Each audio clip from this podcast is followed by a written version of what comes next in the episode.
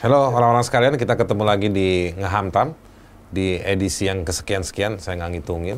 Ngehamtam itu ngebahas HAM bersama tamu. Tamu saya hari ini Pak Sofyan Pulungan, eh, salah satu legenda dunia asuransi penerbangan di jagat bumi Indonesia, bahkan jagat internasional. Baik eh, teman-teman, kita kali ini kita akan bersama Pak Sofyan Pulungan ini akan membahas soal asuransi pesawat gitu. Eh, kalian pernah dengar baru-baru yang jatuh itu Sriwijaya, Sriwijaya. Air. Eh, sebelum Sriwijaya kira-kira dua tahun setengah yang lalu ya, Lion Air. eh, Lion Air. Lalu ada lagi Sebelumnya lagi Air Asia, Air Asia Indonesia. Air, Air, Air Asia Indonesia. Eh, lalu ada beberapa pesawat lain lagi. Dulu Ya. yang paling rame ketika Adam Air Adam juga. Air. gitu. Sebelum saya lanjutkan, Pak eh, Pak Sofyan ini adalah ahli ya, atau konsultan Konsultan. soal eh, asuransi, penerbangan. penerbangan. Jadi konsultan Asuransi penerbangan. asuransi penerbangan sudah melanglang buana eh, dalam bidang ini selama puluhan tahun ya. Iya. Kira-kira. Nah sekarang saya mau tanya sama Pak Sofyan nih, Silakan. apa sih sebetulnya yang dimaksud dengan asuransi pesawat?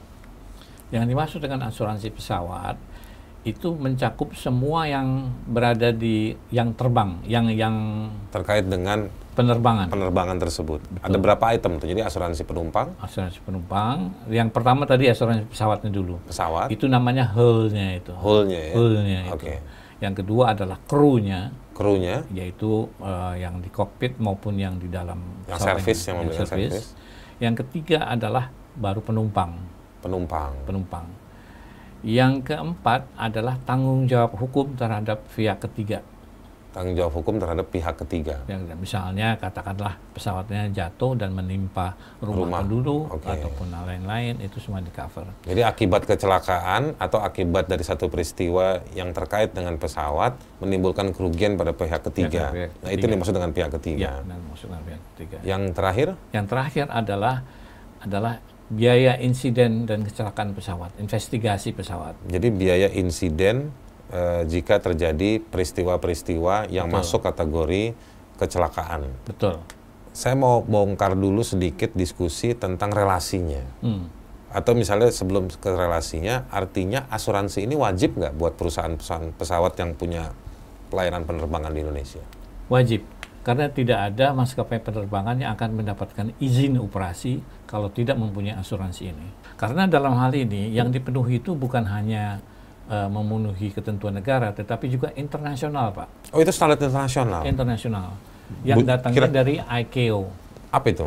ICAO adalah singkatan dari International Civil Aviation Organization. Jadi kayak semacam badan PBB-nya lah. Gitu. PBB untuk soal penerbangan udara, penerbangan ini ya. Betul. Oke. Nah sekarang so- soal relasinya nih Pak. Ya. Kalau soal eh, asuransi berarti kan ada maskapai Hmm. yang mendaftarkan dan juga membayarkan sebelum penumpang itu bayar ke maskapai, jadi ditangguh, dibayar lebih dahulu kan Iya. oleh si perusahaan Iya. kepada satu perusahaan-perusahaan eh, perusahaan asuransi. Betul. Boleh dalam negeri, boleh luar negeri. Harus dalam negeri. Harus dalam negeri. Harus dalam negeri. Harus dalam negeri Harus tersebut. dalam negeri. Eh, tetapi yang perusahaan asuransi dalam negeri itu boleh bekerja sama dengan perusahaan asuransi di luar negeri, Ya, internasional. Ya. internasional. Hmm. Bisa bentuk kerjasamanya perusahaan internasional itu buka kantor pelayanan asuransi di dalam negeri. Hmm. Bisa juga modelnya pakai reasuransi ya. Pakai reasuransi. Jadi reasuransi itu artinya eh bapaknya yang jelasin. ya. Reasuransi itu itu adalah eh, as- as- asuransi ulang. Oke, jadi eh bapak titip HP ke saya, Hmm. saya titipin lagi HP-nya ke orang, Orang lain, lain. gitu. Tapi Betul. itu dibolehkan ya. Dibolehkan. Jadi dalam hukum, dalam hukum dagang di Indonesia eh, dan juga di banyak negara dikenal konsep eh, reasuransi. Reasuransi. Kenapa hal itu dilakukan? Aha. Karena dalam hal ini menyangkut masalah nilai-nilai besar, Pak. Pesawatnya saja sudah eh, puluhan juta dolar. Rata-rata itu berapa sih Pak harga pesawat Mulai ya saya kira sih mulai dari 50 juta dolar ya Boeing? Boeing itu. Rata-rata 50 juta dolar. Ya. Kalau dibeliin cendol dapat berapa gelas Pak? Nah, itu sekarung Banyak banget ya. banyak banget. Jadi dalam hal ini karena menyangkut jumlah dan nilai yang besar itu, eh, kesanggupan dari industri asuransi Indonesia itu baru kecil. Terbatas. Kecil, terbatas. Sementara bisnis penerbangan sebelum pandemi itu sempat ramai ya, Iya, betul. booming ya. Booming sekali. Hmm. Dan jadi makanya perusahaan-perusahaan asuransi itu ngajak atau menjual lagi preminya ke perusahaan asuransi Ya, internasional yang semuanya terkum- berkumpul di Lloyd's namanya. di Deloitte The Lloyd's ya, di Inggris. di Inggris. Hmm. Pernah ke Inggris pak? Pernah. Pernah. Hmm, nonton berkali-kali. nonton bola atau ngurus asuransi? Guru asuransi sampai sambil inilah wisata. Ya. Bisa tuh. Sempat nonton bola pak? Enggak, enggak Enggak, enggak suka bola ya? suka. Cuman di TV aja gitu. Iya. Pasti sangkin dapat duit banyak jadi sampai nggak sempet nonton bola. ya kan? Aduh. Nah jadi itu diasuransikan ulang. Ya, Nah jadi ada relasi-relasinya nih ya, aktor-aktornya atau pihak-pihaknya itu ada perusahaan asuransi dalam negeri. dalam negeri, dia bisa ngajak perusahaan asuransi di luar negeri. Betul. Nah perusahaan asuransi ini nanti dia eh, memberikan premi kepada si eh, perusahaan-perusahaan maskapai penerbangan ya. Ya, Jadi maskapainya yang mendaftarkan. ya. gitu. Nah pesawatnya itu banyak yang punya maskapai atau bisa juga ada pemilik-pemilik swasta lagi biasanya. Boleh kan begitu? Boleh, boleh. Jadi misalnya saya punya eh, Haris Air, Hmm. ya kan? Hmm. Saya punya perusahaannya, tetapi pesawatnya saya sewa dari Pak Sofyan Ya, tiga, Bisa. boleh kan? boleh, boleh sekali. Terus saya bilang ke Pak Sofyan, Pak, saya ada izin nih penerbangan Hmm. dari eh, Cengkareng ke Kepulauan Seribu misalnya Hmm. gitu. Kata Pak Sofyan, wah ini menarik nih. Saya ada pesawat tiga, pakai aja Pak, sewa Hmm. nanti. Bisa kan begitu? Bisa sekali. Nah itu yang mengasuransikan si perusahaan maskapai ini atau yang punya pesawat? Yang maskapainya, Maskapainya. maskapainya. Tapi artinya bisa diatur lah siapa Ya, ya, tergantung nanti harga sewanya kan. ya betul. Jadi artinya ada yang punya pesawat, pesawatnya mau dipakai untuk penerbangan, dia harus mengasuransikan dulu. Ya, Yang perusahaan asuransi di dalam negeri bisa melibatkan dengan skema reasuransi dengan perusahaan di luar negeri. ya. Nah, sekarang pesawat jatuh. Apa aja yang dapat asuransi? Pesawat jatuh, Pesawat jatuh, pesawat apa lagi? terbakar, Terbakar, atau kemudian eh, misalnya mendaratnya darurat di, di, di landasan, patah itunya nose wheel-nya, berarti mengakibatkan kerusakan. mengalami kerusakan. Jadi Hilang, hilang juga hilang juga bisa masuk. bisa. Jadi Kalau ada- pesawat mundur, nggak ada ya? nggak ada, Oh iya. nggak ada yang. Kirain mundur ada, terus ada asuransinya gitu, nggak ada ya? Jadi ada yang namanya partial loss, kerusakan sebagian atau total loss, Hmm. gitu loh. Partial loss dan Partial loss itu kerusakan sebagian, Sebagian. misalnya sayapnya aja atau engine-nya aja. Misalnya pesawat mendarat dan kemudian eh, kebetulan Pak Haris suka miara burung, burungnya masuk ke dalam engine-nya, tuh rusak Iya. tuh. Oke, ya saya pernah dengar itu kasus-kasus kayak gitu. Gitu. Tapi yang saya nggak pernah dengar, kan sama-sama terbang, Hmm. pesawatnya masuk ke burung. Nah itu itu Itu nggak ada skema asuransinya, Pak ya? nggak ada nggak ada. Tapi kalau misalnya burung masuk ke baling-baling pesawat, Iya. mengakibatkan rusak, itu ada asuransinya. Itu namanya FOD ya singkatannya itu. FOD, FOD, Foreign Object Damage Foreign Object Damage. Damage. Jadi kerusakan dari akibat luar. foreign objek-objek dari luar.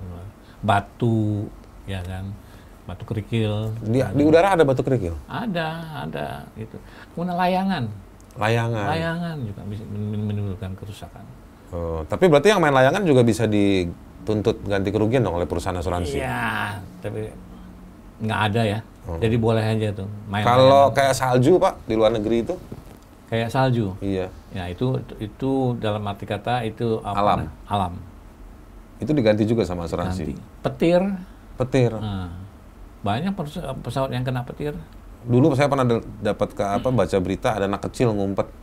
oh di dalam itu ya, di dalam itu Pernah dengar pak? pernah sering sering tuh Itu ada asuransinya nggak? Nggak ada. nggak ada nggak Anak kecilnya juga nggak dapat asuransi ya. Enggak, tapi ya yang dipersalahkan dalam hal ini adalah keamanan bandara, Oh, oke. security-nya di bandara itu.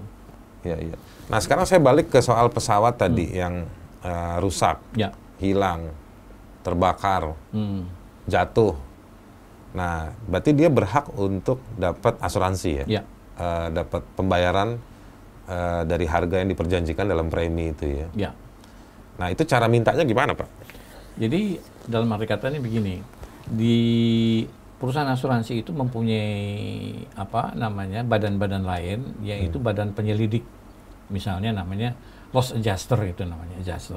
Dia menyelidiki kenapa pesawat ini rusak. Hmm. Itu Kenapa di perusahaan asuransi. di perusahaan bu- jadi di luar perusahaan asuransi Oke. independen mereka Oh, sifatnya. jadi ada profesi itu ya. ada profesi itu gitu Jadi ada jadi tahapnya adalah jika terjadi eh, klaim dari pihak maskapai maskapai eh, ataupun misalnya tidak ada klaim tapi peristiwanya sudah diketahui publik, misalnya pesawat jatuh, itu otomatis ya pihak Hmm. Otomatis. asuransi akan melakukan investigasi.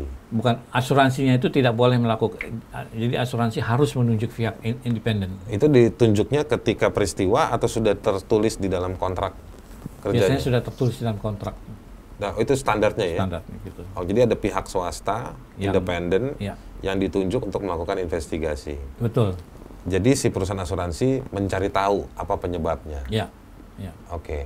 Selanjutnya hasilnya, hasil investigasinya. nanti disampaikan kepada maskapai dan disertai dengan tentunya kalkulasi daripada kerusakannya berapa biayanya Oh, jadi muncul fakta tentang apa aja kerusakannya ya dan itu nominal material bernilai berapa Betul. dari kerusakan tersebut betul dan itu diberikan ke maskapai. betul Kenapa tidak diberikan kepada perusahaan asuransi?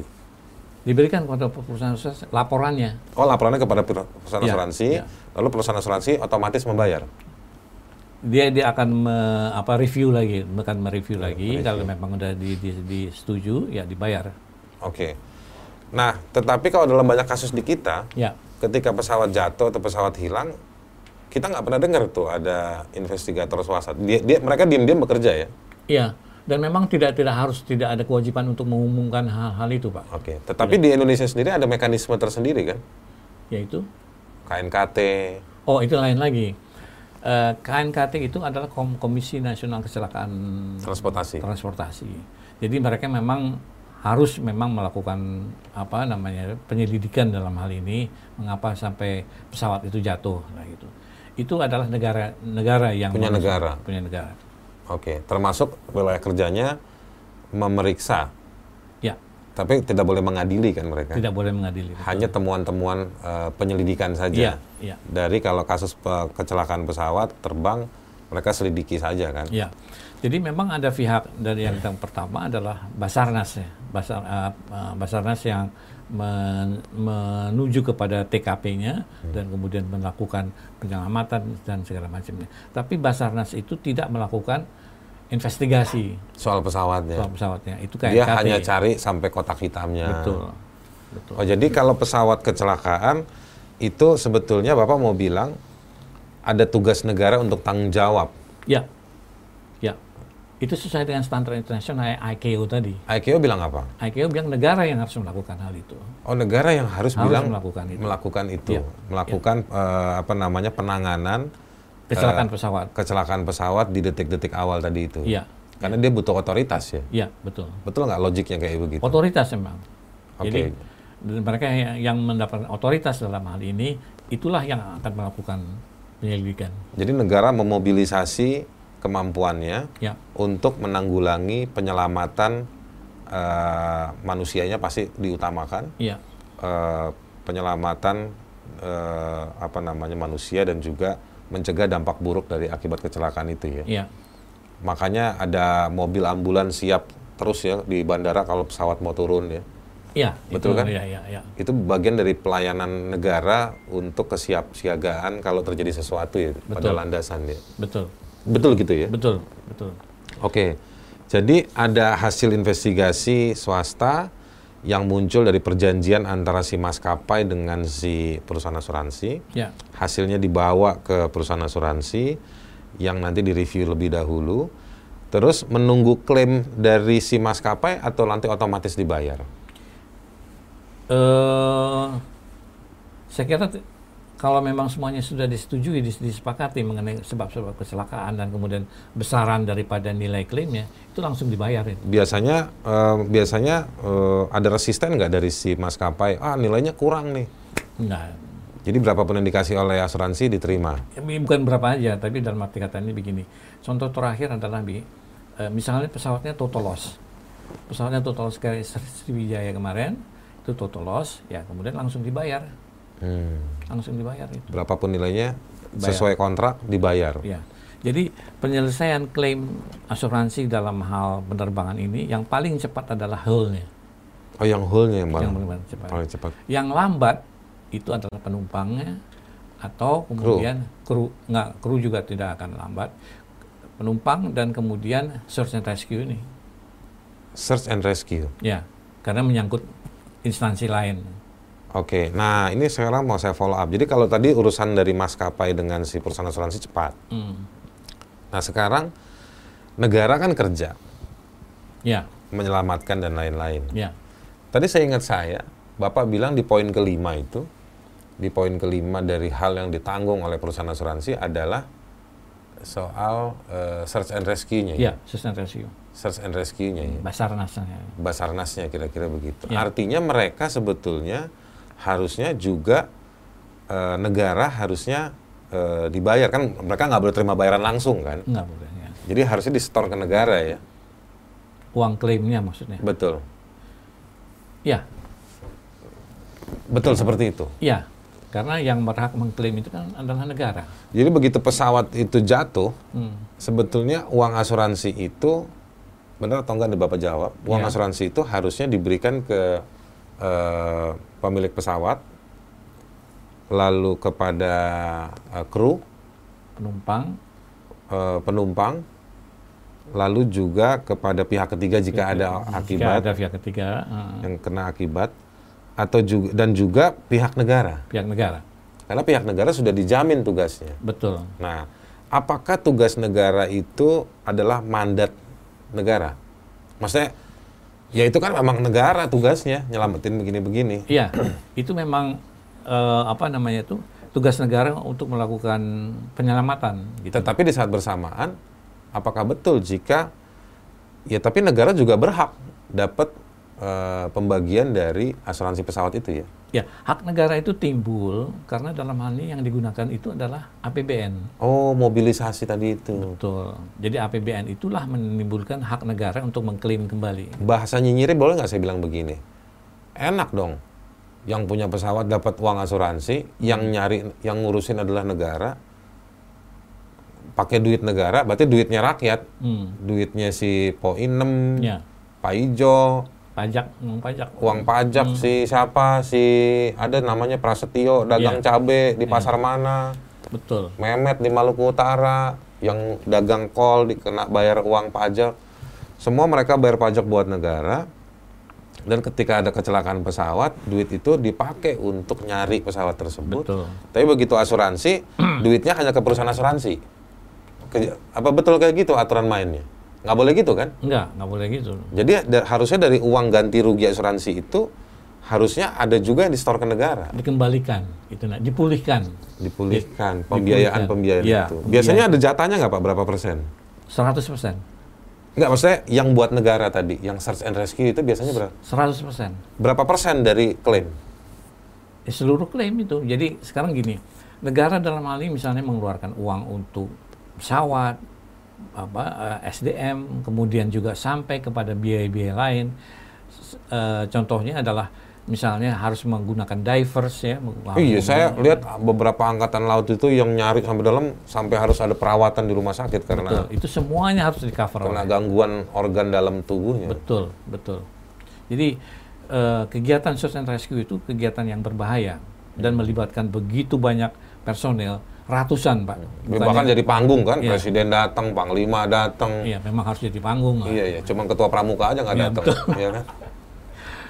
Jadi em, search and rescue itu itu bukan pekerjaan yang ringan, itu pekerjaan yang sangat berat dan kemudian peralatannya juga harus canggih, pak, harus baik, canggih dan tersedia setiap saat. gitu. Oke. Jadi makanya dari duit klaim asuransi ketika mau dibayarkan dia bukan hanya miliknya maskapai. Ya, Harusnya pas dikembalikan dibayarkan oleh perusahaan asuransi harusnya dia dibagi-bagi sesuai dengan porsi dan perannya ya. iya, Dan uang search and rescue itu harus dibayar full penuh, ya. penuh, harus dibayar penuh. Karena dia pakai mobilisasi APBN tadi itu ya. Betul, betul. Jadi eh, begitu ada kecelakaan pesawat, maka yang berhak melakukan operasi ini dan yang berhak melakukan klaim itu Basarnas, karena mereka lah yang yang ujung tombaknya ya. Gitu. Atau Menteri Keuangan? Menteri Keuangan di belakangnya sesudahnya. Artinya itu Basarnas yang kemudian menghitung dan kemudian mengajukan dokumennya. Dan ini semua harusnya ada catatannya kan? Harus. Artinya begini, Basarnas itu mau mobilisasi, TNI bantu Basarnas, uh, polisi air bantu Basarnas, Betul.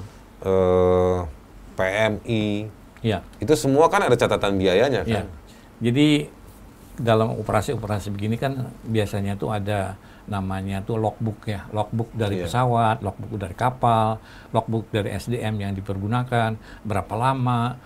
Eh, ini semuanya di, di, dimasuk dalam catatan dan catatan itu ha- harusnya diaudit. Hmm, ya karena memang juga, mereka juga karena lembaga-lembaga atau institusi-institusi milik negara atau pemerintah kan, Betul, betul. nggak mu, eh, kan nggak boleh mereka bekerja beroperasi dengan menggunakan duit milik bukan punya negara. Ya, dan dalam hal ini sifat daripada operasi search and rescue itu tidak untuk mengambil untung. Jadi misalnya harga pes- nilai pesawat adalah satu harinya sekian ya sekian, gitu. At cost. At Gimana, cost gimana? basis. Ulang lagi? Jadi gini, semua biaya yang digunakan, artinya baik untuk pesawat maupun lain-lain lainnya, apa eh, log- logistiknya itu at cost.